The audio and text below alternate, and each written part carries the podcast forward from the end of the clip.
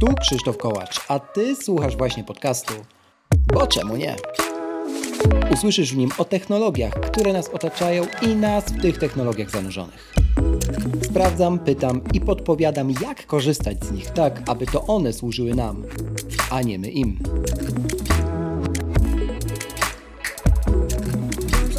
W dzisiejszym odcinku co czeka nas w 2023 roku na rynku kawy? I to nie tylko tej wysokiej jakości. Zapraszam do rozmowy z Rafałem Kaniewskim z Java Coffee. Zanim zaczniemy, proszę zostaw opinię na Apple Podcast lub na Spotify. Twój głos ma znaczenie. Zaczynamy.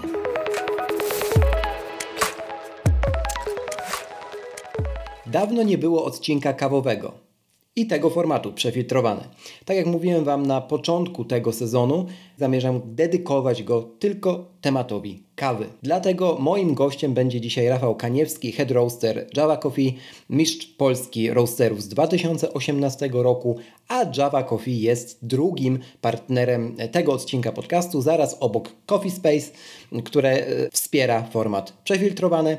Dzisiaj porozmawiam z Rafałem o trendach kawowych, ale nie na ten, ale już na przyszły rok, ze względu innymi na rosnącą inflację, rosnące ceny kawy, dlaczego to wszystko się dzieje. Porozmawiamy również o zawodach, także tych nowych, których nie było, a są już na rynku polskim. Zapraszam Was do tego odcinka, najlepiej z kubkiem dobrej kawy. Bo czemu nie?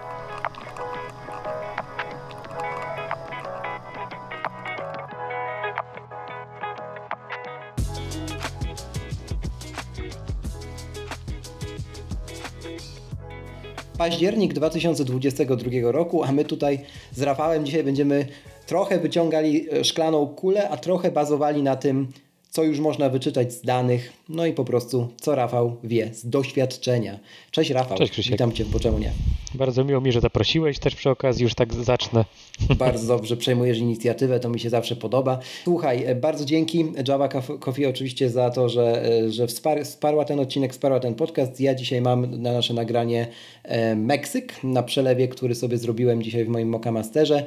Mm, bardzo ciekawa odmiana, już to mówiłem nawet zanim włączyliśmy rekord, od standardowej mojej kawki na, na Moka Mastera, czyli takiego domowego przelewu, którym zazwyczaj jest Ruanda. Także, także już miła odmiana. Wszystkie kawki, które otrzymałem od Java Coffee od Was znajdziecie również na Instagramie, bo czemu nie, tam zapraszam. Będzie kilka role, rolek, będzie można popodziwiać między innymi bardzo ładne opakowania, bo wiem, że dbacie o to.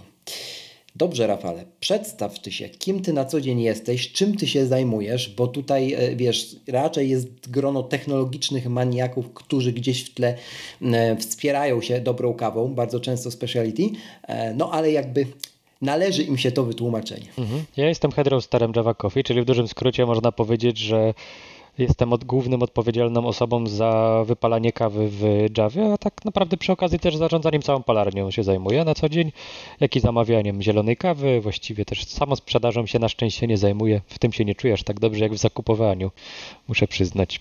W tym momencie tego całego łańcucha kiedy generalnie dostajesz surowe zielone ziarno, e, no i trzeba z niego zrobić to, co później kupujemy my klienci, czyli, czyli kawę. Po prostu wypalić to tak, żeby smakowało i żeby z tej kawy wydobyć maksimum Dokładnie tak. Ja bym tylko powiedział jeszcze tyle, że z setek próbek trzeba wybrać te Aha. powiedzmy 5 czy 10, które będą w danym kwartale roku po prostu dostępne do sprzedaży.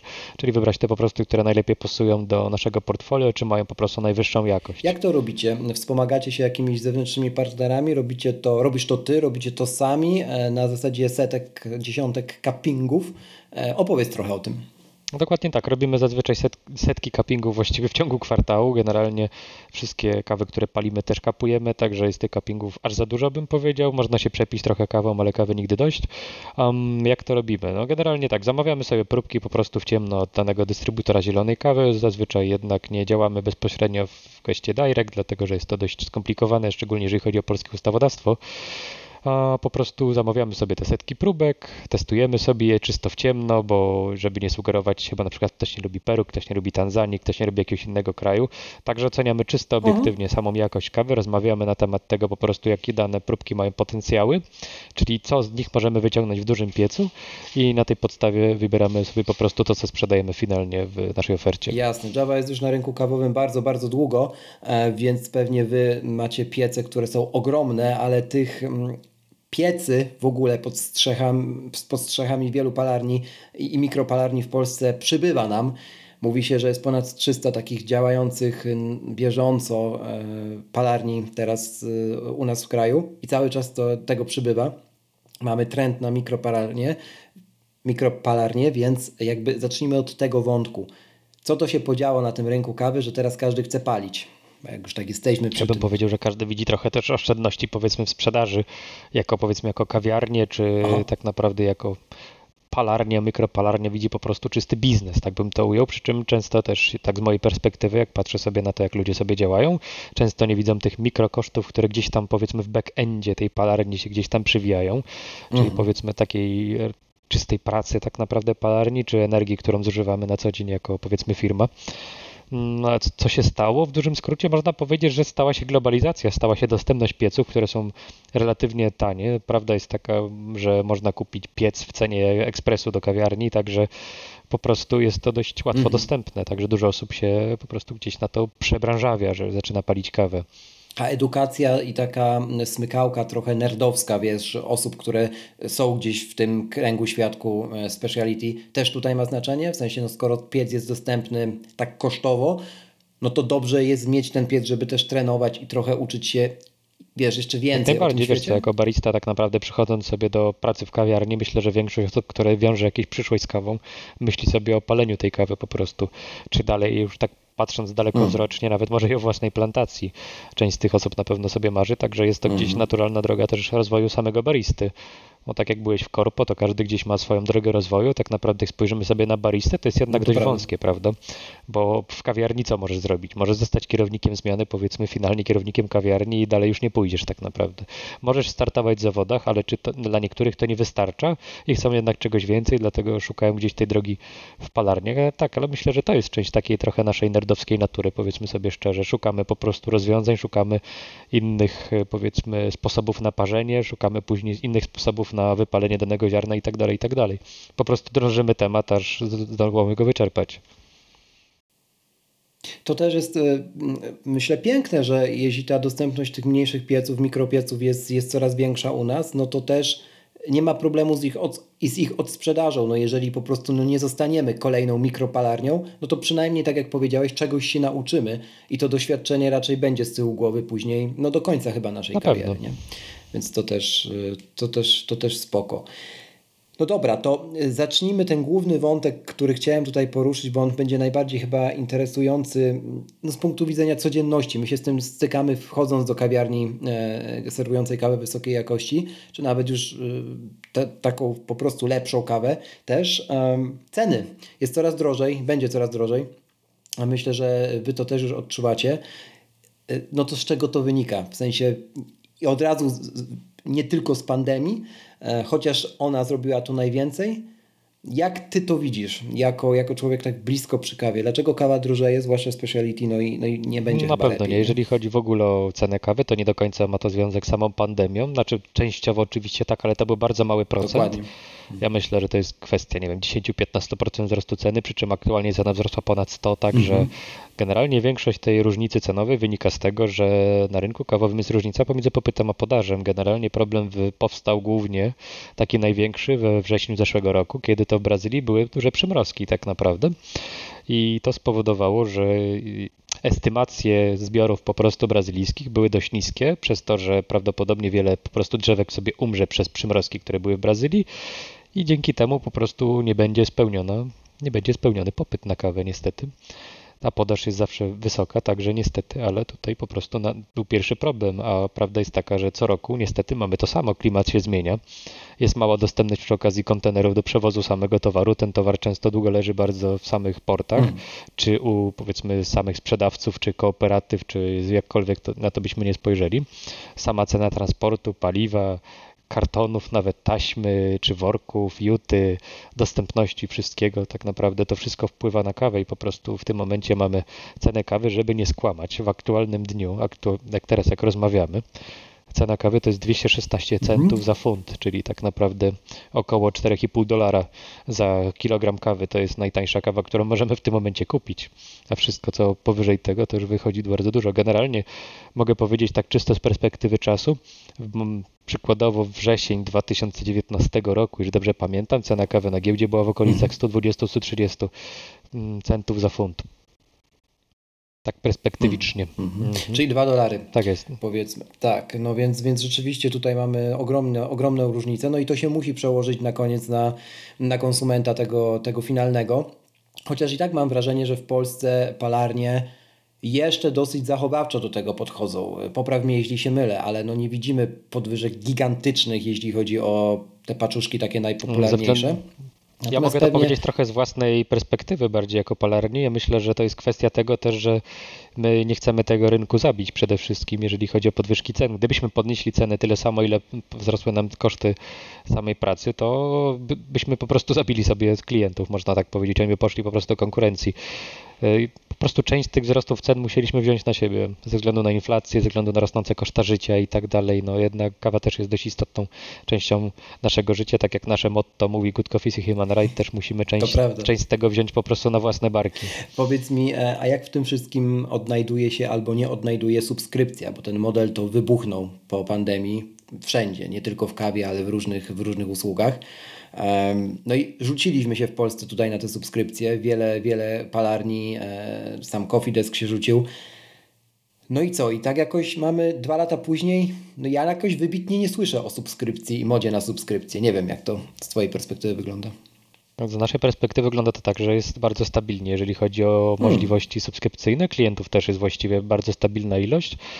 Mm, okay. Prawda jest taka też, że z naszej akurat perspektywy jest tak, że my też bierzemy sobie koszta transportu i jakby stałą, dajemy stałą cenę w subskrypcji, mogę dużym powiedzieć. Także w dużym skrócie, w pewnym sensie klient, który kupuje sobie u nas subskrypcję, zabezpiecza sobie cenę na okres swojej subskrypcji. Na pewno to nie wzrośnie przez ten czas. Czyli Także warto. Jest to tarcza, tarcza antyinflacyjna, bym powiedział, trochę dla klienta. Tak, tak, jak najbardziej. No dobrze, dobrze, nie wiedziałem o tym, co super.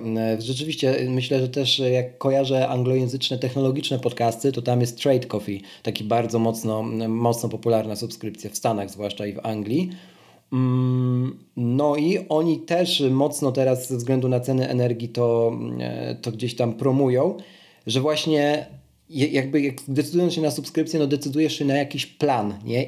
No i raczej ten plan jest stały, więc rzeczywiście to dobrze widzieć, że też na polskim rynku ktoś zauważył. Super, super. Wiedziałem, kogo zaprosić do, do tego podcastu. Słuchaj, e, jeszcze powiedz mi trochę o, mm, o takiej perspektywie Jana Kowalskiego, no bo on zawsze miał podgórkę na tym rynku speciality. Um, wiadomo, jak się wpisze w Google, od czego zacząć, przygodę z kawą speciality to wyskoczy tak, areopres, e, dobre ziarna i jeszcze mm, jakiś tuzin różnych innych urządzeń, dripperów e, i tak dalej. A jak to wygląda u Ciebie z Twojej perspektywy? Jakbyś teraz miał powiedzieć Kowalskiemu, jak ma zacząć, to co byś mu powiedział? Wysłałbym go do dobrych kawiarni przede wszystkim, żeby sam mhm. sobie nie zepsuł tego experience, które można mieć ze specialty. Przede wszystkim prawda jest taka, że no, osoba, która zaczyna nie za bardzo wie, czego ma się spodziewać, także sama sobie może zepsuć ten początkowy experience.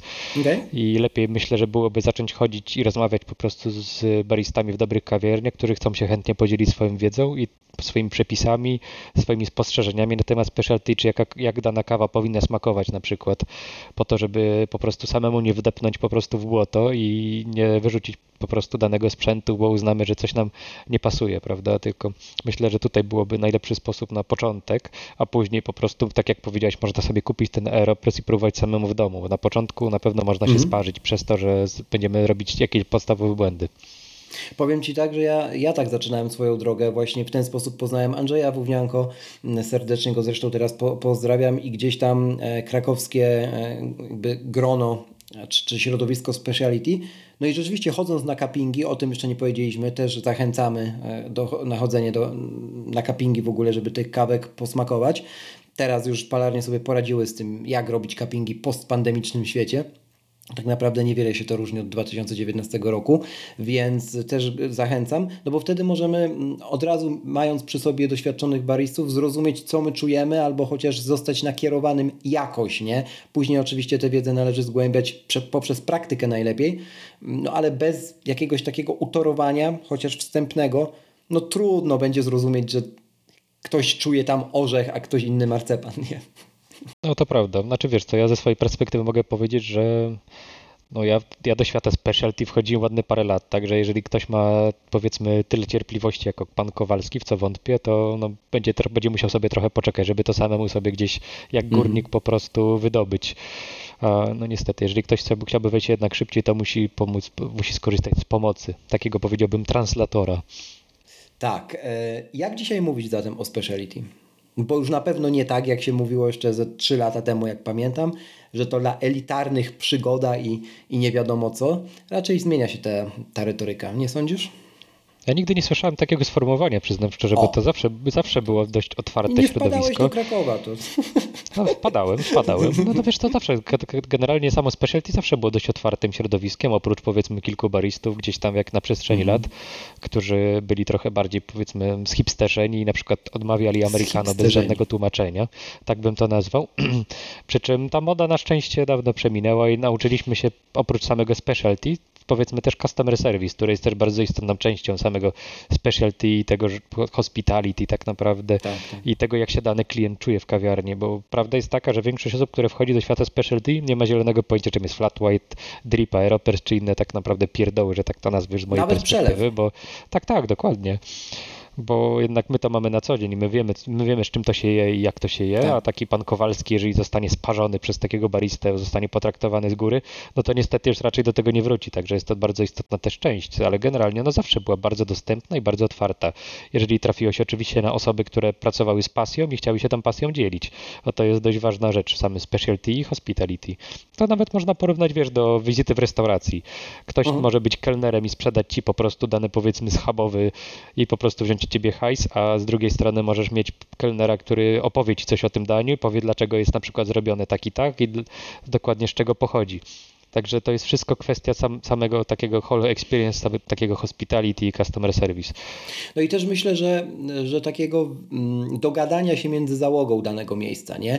Nawiązuję do tego, bo oglądałem ostatnio na, na Disney Plus taki świetny serial The Bear się nazywa, e, który właśnie pokazuje, jak można zniszczyć biznes gastro mm, mhm. przez niedogadanie wewnętrzne. I to myślę, że też e, ten taki atmosfera tworzona jest też przez to, jaka atmosfera panuje wewnątrz teamu. Nie? I to się później przenosi na, na klienta. Nie? No, dokładnie. Ja myślę, że wiesz co, w każdej takiej kawiarni powinien być dobry lider, tak bym to nazwał tak. trochę. Taka osoba, mhm. która po prostu ma du dużą wiedzę i jest w stanie gdzieś pociągnąć tą pasję innych ludzi za sobą. Po prostu wciągnąć ich do tego świata i oni jednocześnie są w stanie wciągnąć wtedy klientów. Dobrym przykładem w tym, tym akurat konkretnym przypadku jest na przykład Sławek Saran w kawiarni Forum. Sławek jest generalnie w świecie kawowym od 14 lat właściwie, w dużym skrócie mówiąc. Jest to osoba, która zdobyła wiele tytułów, ale nigdy nie miał, nigdy się nie wywyższał, nigdy nie miał jakiegoś niesamowitego ego. Zawsze można było go zapytać o jakieś hinty, o jakieś porady i tak dalej. I myślę, że nikt nigdy nie miał z nim żadnego bad experience, jeżeli chodzi właśnie o wizytę w kawiarni. To jest taki po prostu, bym powiedział, w zawodach kawowych często szukamy takiego ambasadora po prostu specialty. Myślę, mm -hmm, że to jest jedna mm -hmm. z mhm. takich osób, do których zawsze możesz uderzyć i on zawsze powie ci po prostu, co sądzi na temat danej kawy, w czym ci jakości może pomóc i tak dalej, i tak dalej. To po prostu osoba, która jest bardzo otwarta na kontakt z ludźmi. Taki ja tutaj też ambasador. Myślę... Ja tutaj też myślę, że mm, e, jeśli chodzi w ogóle o rynek kaw wysokiej jakości, jest trudniej niż tak w przeciętnej kawiarni, że tak powiem, takiej standardowej, no bo tutaj jakby mm, obciążenie jest to samo, czyli jakby praca nie, nie należy do najłatwiejszych zawodów na świecie i stres jest ogromny i zmęczenie też po całym dniu, a mimo tego tutaj właśnie trzeba też pilnować tej atmosfery, żeby nie dawać na przykład ujścia emocjom, nie? co w takiej zwykłej, przeciętnej sieciowej kawiarni jakoś, no, tam człowiek wpada, bierze, wypada i, i leci. Raczej nie zwróci uwagi, jaki ten barista ma humor, chociaż też się zdarza, nie? E, chodzi mi o taki mandat społeczny też, nie? Tutaj raczej tak, jest tak, ale... wyższe oczekiwanie, nie? Ja bym powiedział generalnie, że nie powinniśmy w ogóle swojej pracy, znaczy swojego życia prywatnego przenosić do pracy i od tego trzeba było zacząć, niezależnie od zawodu, jaki wykonujemy. Czy pracujesz na recepcji, czy pracujesz w PKP tak naprawdę, czy pracujesz w kawiarni. No. Mhm. Jesteś w pracy, to jesteś w pracy, po prostu wychodzisz, jesteś w życiu prywatnym. Bardzo dobre podejście. Chciałbym je widzieć częściej. E, coraz więcej też mówi się o takich rzeczach, które wydają się przeczyć, trendach, które wydają się przeczyć um, temu budowaniu doświadczenia w samej kawiarni. Mówi się o showroomach kawowych, gdzieś w Japonii czy, czy w Australii już powstają kawowe krany nawet, które no nie wymagają baristy obecności tak non-stop. Po prostu podchodzisz do kraniku, wiesz, że tam leci Tanzania, jakby nalewasz sobie przelew z, tej, z tych ziarenek i idziesz dalej, gdzieś tam płacisz zbliżeniowo do widzenia. Czy to jest dziś przyszłość dla rynku europejskiego, czy u nas raczej szybko się to nie przejmie? Jak ty uważasz? Myślę że, myślę, że oczywiście, żeby się przyjęło. Kwestia jest tak naprawdę, że jeszcze tego klienci do końca nie oczekują w kawiarniach specialty. Okay. Wiesz, mhm. tacy klienci, którzy oczekują tego typu obsługi, idą sobie właśnie do sieciówek, bo oczekują czegoś mhm. szybkiego. Nie oczekują mhm. po prostu kontaktu z baristą, czy rozmowy sobie na jakimś poziomie, powiedzmy, na temat polityki, czy na temat kawy, tylko oczekują po prostu szybkie, konkretnie obsługi i wyjścia z kawiarni. Jeżeli chodzi o Australię, to oni mają dużo bardziej dojrzały rynek i to myślę, tak, że nas to mhm. kiedyś też czeka, ale to jest kwestia prawdopodobnie dekady, obstawiam. Ten rynek tak. za wolno, okay. no, myślę, że ten rynek za mhm. wolno się rozwija, wiesz, żeby klient tego typu właśnie, czyli szukający po prostu szyb, szybkiego takiego experience kawy po prostu czy kofeiny, wpadał do kawiarni, do kranu właśnie, na, płacił zbliżeniowo i wychodził. Ja jestem na to gotowy, ja mogę iść i tak zrobić tak naprawdę, bo bardzo często tak piję przelew na tej zasadzie, ale myślę, że typowy klient, który oczekuje tego typu obsługi jest to klient sieciówki na ten moment. Jeszcze po prostu ten rynek nie jest na tyle dojrzały. Z drugiej strony y, też miejsca, które się buduje teraz speciality w Polsce, na przykład takim nowym miejscem, dosyć nowym jest y, w fabryce Norblina Wasz, y, wasz lokal, gdzie on jest połączony tak naprawdę z całą resztą, jakby z tkanką tego miejsca, nie? Trochę przechodni, ale nie do końca przechodni, trochę ze stolikami, żeby popracować, ale nie do końca, a za rogiem można skoczyć i, i, i chwycić do ręki zupełnie coś innego, e, już nie od Was, nie? Fajne połączenie. Myślę, że takie mm, budowanie otwartości, że, że speciality też może być właśnie tym przystankiem, ale jakościowym przystankiem jest dosyć dobrym podejściem, zwłaszcza dla dużych miast. Nie wiem, czy takie to ja mogę założenie. Ci powiedzieć też, no. ja mogę Ci powiedzieć skąd to się wzięło generalnie, mhm. bo to mhm. nie jest przypadek, że my tam jesteśmy, o, bo sam Biobazar na Żelaznej istnieje, jeżeli dobrze pamiętam, 2014 roku i my tam jesteśmy od samego początku. To był na początku mały targ po prostu z eko fajnym jedzeniem generalnie, z jakimiś serami od dobrych dostawców i tak dalej, wszystko właściwie organiczne. Teraz jest to trochę bardziej podzielone, jest też organiczne, ale nie tylko. W każdym razie dalej ten jakby organiczny market istnieje. Przy czym wzięło się to wszystko z nie pamiętam dokładnie, jak się nazywa ten e, targ dokładnie w Londynie, ale jest w Londynie generalnie taka moda, że masz takie małe targi, po prostu połączone jednocześnie z dobrym jedzeniem i są też kawiarnie specialty, na przykład możesz sobie Town, Na przykład e, Covent Garden i tego typu miejsca, nie? To, to zgadza ja sobie się. Może, ja sobie może mhm. przypomnę właśnie do końca, mhm. z czego właśnie mhm. nasz szef brał inspirację. Mhm. Nasz szef jest Brytyjczykiem, także bezpośrednio na tym targu po prostu robił zakupy i gdzieś mu tego brakowało w Polsce, dlatego też na Biobazarze stworzyliśmy tą Super. kawiarnię, mhm. która razem z Biobazarem jest jakby nieodłączną częścią, tak jak to zauważyłeś właśnie, jest to takim powiedzmy miejscem spotkań jednocześnie. Mhm. Przy czym jeżeli chodzi o ilość miejsc do siedzenia, to to akurat się zmienia, jest ich coraz więcej, muszę Ci powiedzieć. To miejsce po prostu zaczyna być bardziej przyjazne na dłuższe posiedzenie czy na pracę też jednocześnie. No pracowałem tam i rzeczywiście ten, ten klimat też tam robi swoje, bo jesteśmy trochę otoczeni zaskoczeni waszym brandem, um, waszymi paczuszkami kawy, ale też y, takim cozy klimatem, nie? W sensie nie jest tam ani za jasno, ani za ciemno. O każdej porze roku w sumie jest spoko, bo są duże przeszklenia, ale też takie, takie światło bardziej pomarańczowe, więc no, udane miejsce. Jak dla mnie na przykład jedno z, no, z takich moich mocnych top 5 w ogóle w Polsce, a trochę już kawiarni zwiedziłem. No. No, dziękuję bardzo. Nie spodziewałem się takiej opinii. W każdym razie ja bym powiedział też trochę, że nie czujesz tego klimatu z tego samego centrum przy okazji. Tak, siedzisz, sobie, tak. siedzisz sobie dosłownie przy samym centrum, właśnie nad linią metra, a właściwie w ogóle tego nie czujesz. To prawda. Um, convenience Story, żabki i tego typu miejsca też trochę powoli zaczynają chłonąć speciality albo coś, co udaje speciality. Raczej to Przychodzi... drugie raczej to drugie, choć, e, choć słyszałem o planach e, naszych dobrych przyjaciół z Hard Beans, żeby też trochę z nitro powalczyć w tego typu miejscach. Jasne, potencjał jest, każdy by, by chciał do żabki wyjść po dobrą jakościową kawę, ale jak dla mnie, nie wiem, zaraz powiesz o swoje zdanie na ten temat, dla mnie to się kłóci. W sensie po prostu je, no, nie spina mi się to w głowie ta historia, nie? że akurat tam poszedłbym. Czegoś brakuje. I to niekoniecznie jest klimat, nie? Nie wiem.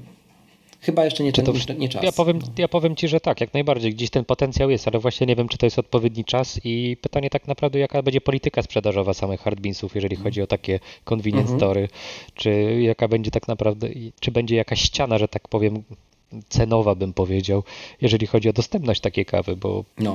my testowaliśmy takie rzeczy z Wielkiej Brytanii, chociażby jeżeli chodzi o nitro w puszkach i powiem Ci szczerze, że jakbyśmy chcieli to na przykład wprowadzić na polski rynek, to cena byłaby zaporowa, także pytanie, co by, co Hardbean zaproponuje klientom. A z drugiej strony do Żabki jak idziesz i na przykład tak sobie myślę mm, o typowym kliencie, e, który, no nie wiem, wieczorem skoczy po wino, nie? No i wiadomo, jakie, jakie jest to, to wino w convenience store'ach, ale też no, to już widzę, jak obserwuję nawet sąsiadów moich, nie? że jak jest różnica tam pomiędzy winem a winem 10 zł, to się okazuje, że to jest zaporowa różnica. Nie? Także no, tak, tak jak ty prawda. mówisz, tu, tu, się zgadzam, nie? że no, ciężko mi sobie jest wyobrazić o wiele mniejszą puszeczkę z, z napisem speciality um, Kenia, Guatemala, whatever, po którą ustawiają się tłumy nagle, nie? Więc jakkolwiek no ona by dobra nie była. Raczej nie sądzę, że to będzie niesamowity hit, chociażby też dobrym przykładem w tym przypadku jest Etno z samym swoim właśnie cold brew, które było wprowadzane na stacjach benzynowych tak. i też jakoś nie widziałem za, za, dużego zamieszania z tym związanego. Oczywiście gdzieś trafia to do nas jako powiedzmy baristów, osób, które są gdzieś tam w tym świecie kawowym, ale nie sądzę, żeby taki typowy mm. Kowalski sięgnął po te produkty mimo wszystko.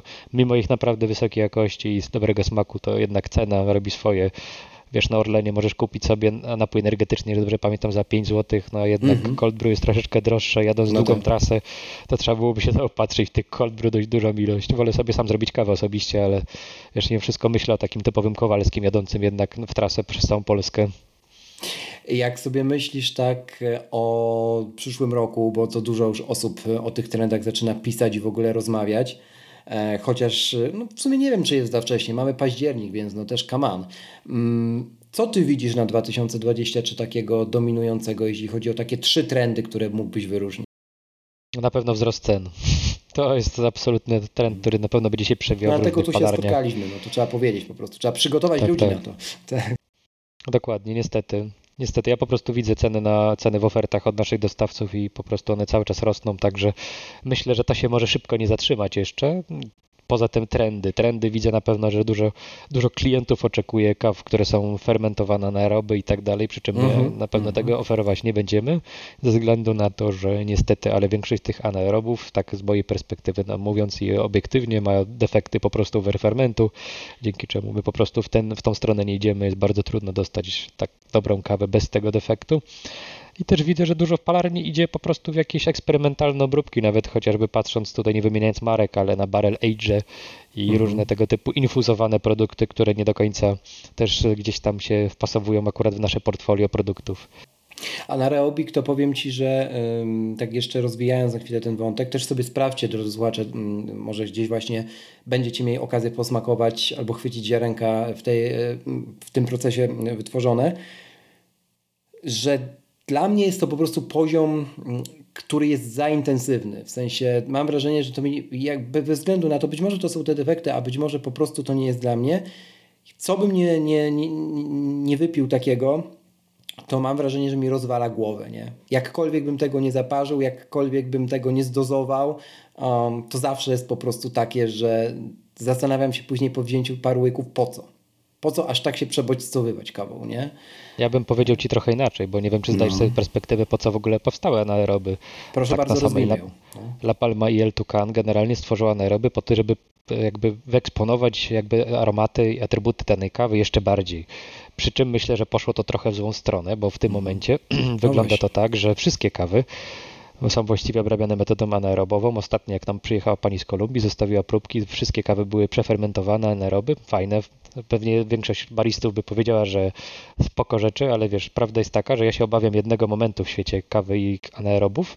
Już to mówiłem w jednym podcaście, ale powiem to jeszcze raz, Proszę że do, dożyjemy do czasu, kiedy tania kawa, która kosztuje powiedzmy 2 dolary na giełdzie, mhm. zostanie poddana obróbce anaerobowej i zostanie sprzedana za 20 dolarów.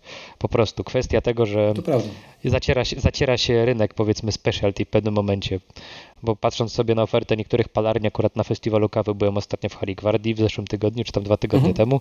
Próbowałem kaw od wielu palarni, powiem szczerze, mnie to przeraża, że po prostu wszystkie kawy smakują identycznie. Tak, i, i, albo, i to nawet identycznie nie, nie, nie ze względu na flavor, tylko ze względu na intensywność. One są po prostu tak, tak intensywne, że masz wrażenie, że się zrywają w jedno. Nie? I tu się w 100% zgadzam. Też było to widać na World of Coffee w Mediolanie w tym roku. Jak sobie tam przeszedłem, nie wiem czy byłeś. E, nie byłem akurat. niestety.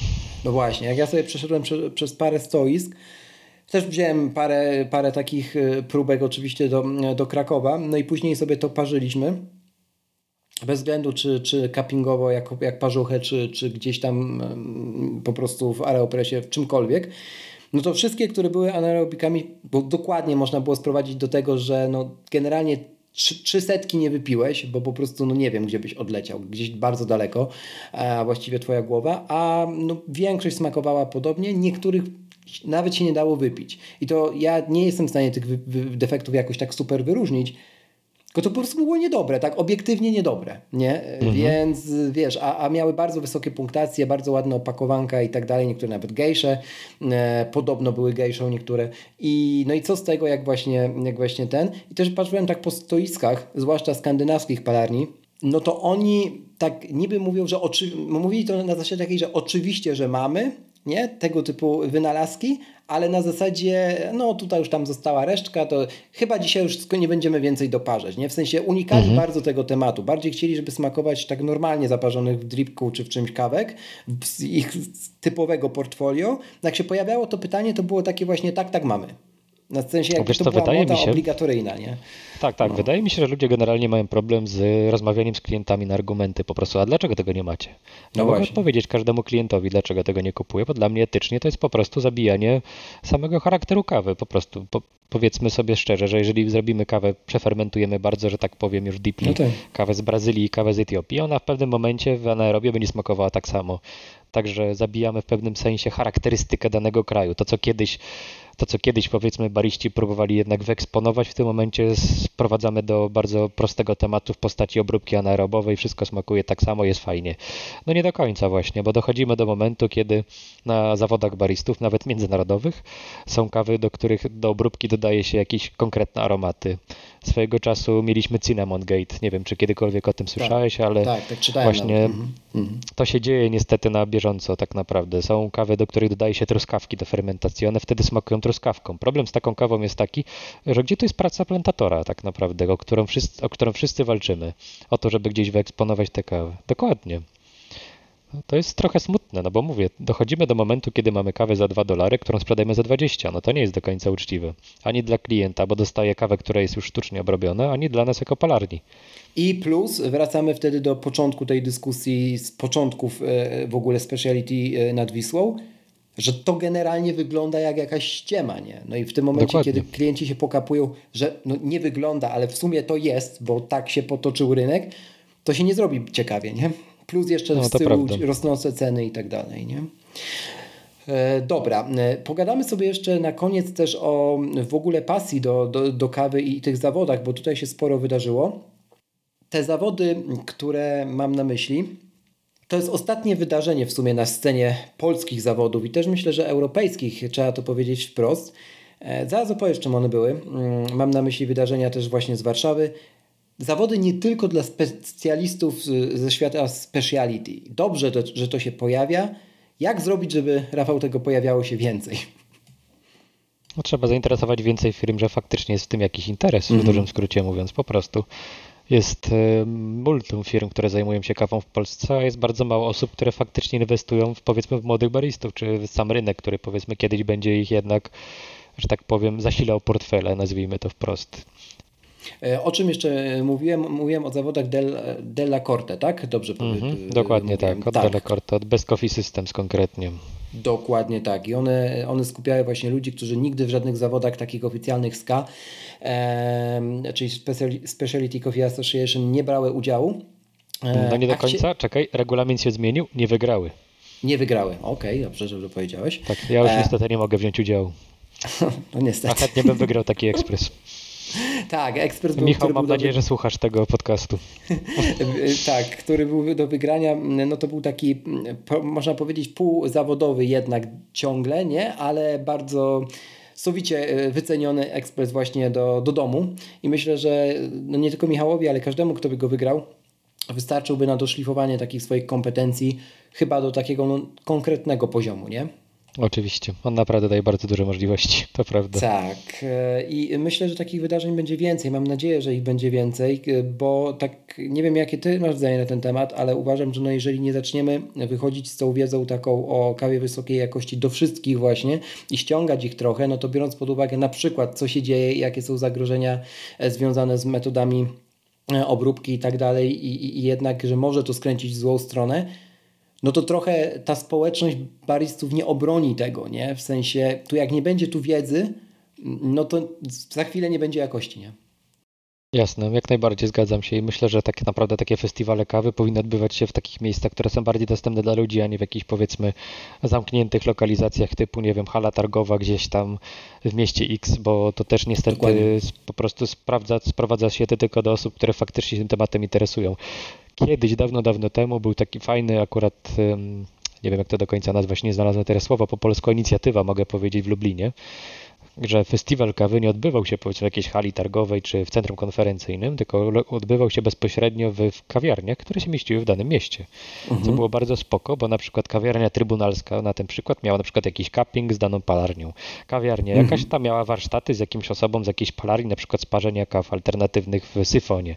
Inna, inna kawiarnia miała jakieś inne warsztaty i tak dalej, i tak dalej, gdzie było po prostu to wszystko razem połączone, były tak, tak harmonogram był rozłożony, że ludzie mogli nie tylko poznać sobie powiedzmy jakąś jakąś wiedzę o kawie, ale poznaj też lokalny folklor kawowy, tak bym w dużym skrócie to powiedział. I dzięki temu myślę, że te kawiarnie też zdobyły nowych klientów i na pewno miały w tym jakiś interes, żeby pojawić się na Jasne. danym festiwalu. Bo ja na przykład widzę teraz taką tendencję, która też mnie trochę nie pasuje do festiwalu kawy. Przykładowo festiwal kawy w Warszawie, mamy palarnię z Wrocławia, mamy palarnię z Białego Stoku, mamy palarnię stąd. No tak, ale co rynek warszawski z tego ma tak szczerze? Właściwie to prawie nic. Jedynie co to powiedzmy sprzedaż na miejscu i nic więcej z tego nie wynika, prawda? Nie, nie przychodzi więcej osób do przykładowo do forum, czy do kawiarni Relax, czy do nie wiadomo do jakiegoś tam pana Michała, czy do pana Marcina, który prowadzi kawiarnię, tylko to jest po prostu jednorazowa akcja one-off, wydajemy pieniążki i po prostu nas nie ma. A z drugiej strony y, nie, nie ściągamy też później do lokali e, do tych samych głów, do tych samych twarzy, do tych samych ekspertów, ludzi, którzy chcą więcej, nie? Może jakieś mhm, szkolenia, tak. może chcieliby właśnie, wiesz, zasięgnąć, pogadać w ogóle z tą, z tą głową. No na takich targach czy zawodach nie każdy ma dla każdego godzinę. No już w kawiarni w trakcie takich, wiesz, środ, środek tygodnia czy coś, jak są, są wolniejsze godziny, no da się to zrobić. Ja tak robiłem na przykład w Krakowie i, i wiele relacji, które są do dzisiaj e, wypracowa zostało wypracowanych, po prostu wpadając, y, opierając się łokciem o bar i, i dyskutując, nie? I, i to jest gdzieś ta, ta cała magia chyba tej społeczności, której powinno być więcej. To się, to się akurat Dokładnie zgadzam tak. z Tobą. Mm, no dobra. Jak słyszysz jeszcze na koniec słowo innowacja, no będzie myślę fajna klamra tego odcinka, w, w ogóle w świecie kawy, nie? To masz A, gęsią skórkę, B, trochę już dość, czy C, faktycznie widzisz, że tych innowacji jest taka ilość, że, że jest ok. Myślę, że na ten moment innowacji jest e, ok, jeżeli chodzi o mhm. ilościowo. Mm, myślę, że ciężko będzie coś nowego wymyśleć na ten moment, nawet jeżeli chodzi o kawę, dlatego że mm -hmm. właściwie wszystkie, wszystkie gdzieś gałęzie tego rynku są w miarę, myślę, tak przynajmniej z mojej perspektywy, gdzieś już sprawdzone wszystko jest, że tak powiem, już wydrylowane dosłownie mm -hmm. do mhm. granic możliwości. Jeżeli chodzi nawet o samo palenie kawy, czy samą obróbkę dalszą, jeżeli chodzi już o finalnych odbiorców i tak dalej. Jedyne, co się może bardziej zmieniać, to może design i świadomość o ekologii i tak naprawdę powiedzmy gdzieś iść w, tym, w ten deseń, jeżeli chodzi o innowacje. Na pewno brakuje nam jednej rzeczy w Polsce pod tytułem jakiejś przetwórni, żeby tak naprawdę nasze plastiki mm -hmm. i tak mhm. dalej były przetwarzane dalej. Głównie tego nam brakuje. Mm -hmm. No tak, bo takie, takie próby jak podejmuje na przykład Stor czy, czy sam Krzysiek Grzeman, który zresztą w tym podcaście też gościł, to, y, no to to jest oczywiście godne pochwały i tak dalej. Natomiast na skalę taką krajową, no to rzeczywiście chociażby problem utylizacji jest y, no, nierozwiązany. Nie? Tak, no wiesz, nie, żeby to było proste. Nie? No, no, właśnie. No dobrze, życzmy sobie tego, żeby w takim razie w przyszłych latach y, to może stało się powoli trendem. E, na razie to musi być miejsce, żeby to mo można było w ogóle do trendu porównywać. A propos cen, to no ja ze swojego serducha życzę oczywiście Wam takiej zdroworozsądkowości, ale również no po prostu pozwalającej Wam przetrwać, bo tutaj no, musimy zacisnąć jako konsumenci zęby i no, jak wszyscy po prostu będą próbowali ciąć, no to w końcu sami siebie wytną, jak sam powiedziałeś, z tego rynku, a tego to byśmy na pewno nie chcieli, e, bo będziemy inaczej wtedy rozmawiać o convenience storach. Mm, no, to tego Wam życzę i więcej takich miejsc jak, jak właśnie Norblin. Polecam Wam, drodzy słuchacze, jak jesteście z Warszawy, a wiem, że gro z Was jest, e, wpaść właśnie do, do Java Coffee e, w fabryce Norblina zobaczyć, o czym tutaj mówiłem tak kwieciście, bo naprawdę jest to miejsce w sumie dla każdego, myślę, e, a już na pewno na weekend. Dziękuję, Rafał. Ja dziękuję bardzo za zaproszenie. Jeszcze raz, Krzysiek.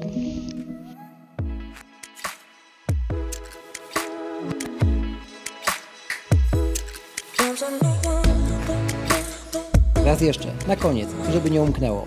Przypominam, zostaw Apple Podcast oraz na Spotify taką liczbę gwiazdek, jaką uznasz za stosowną.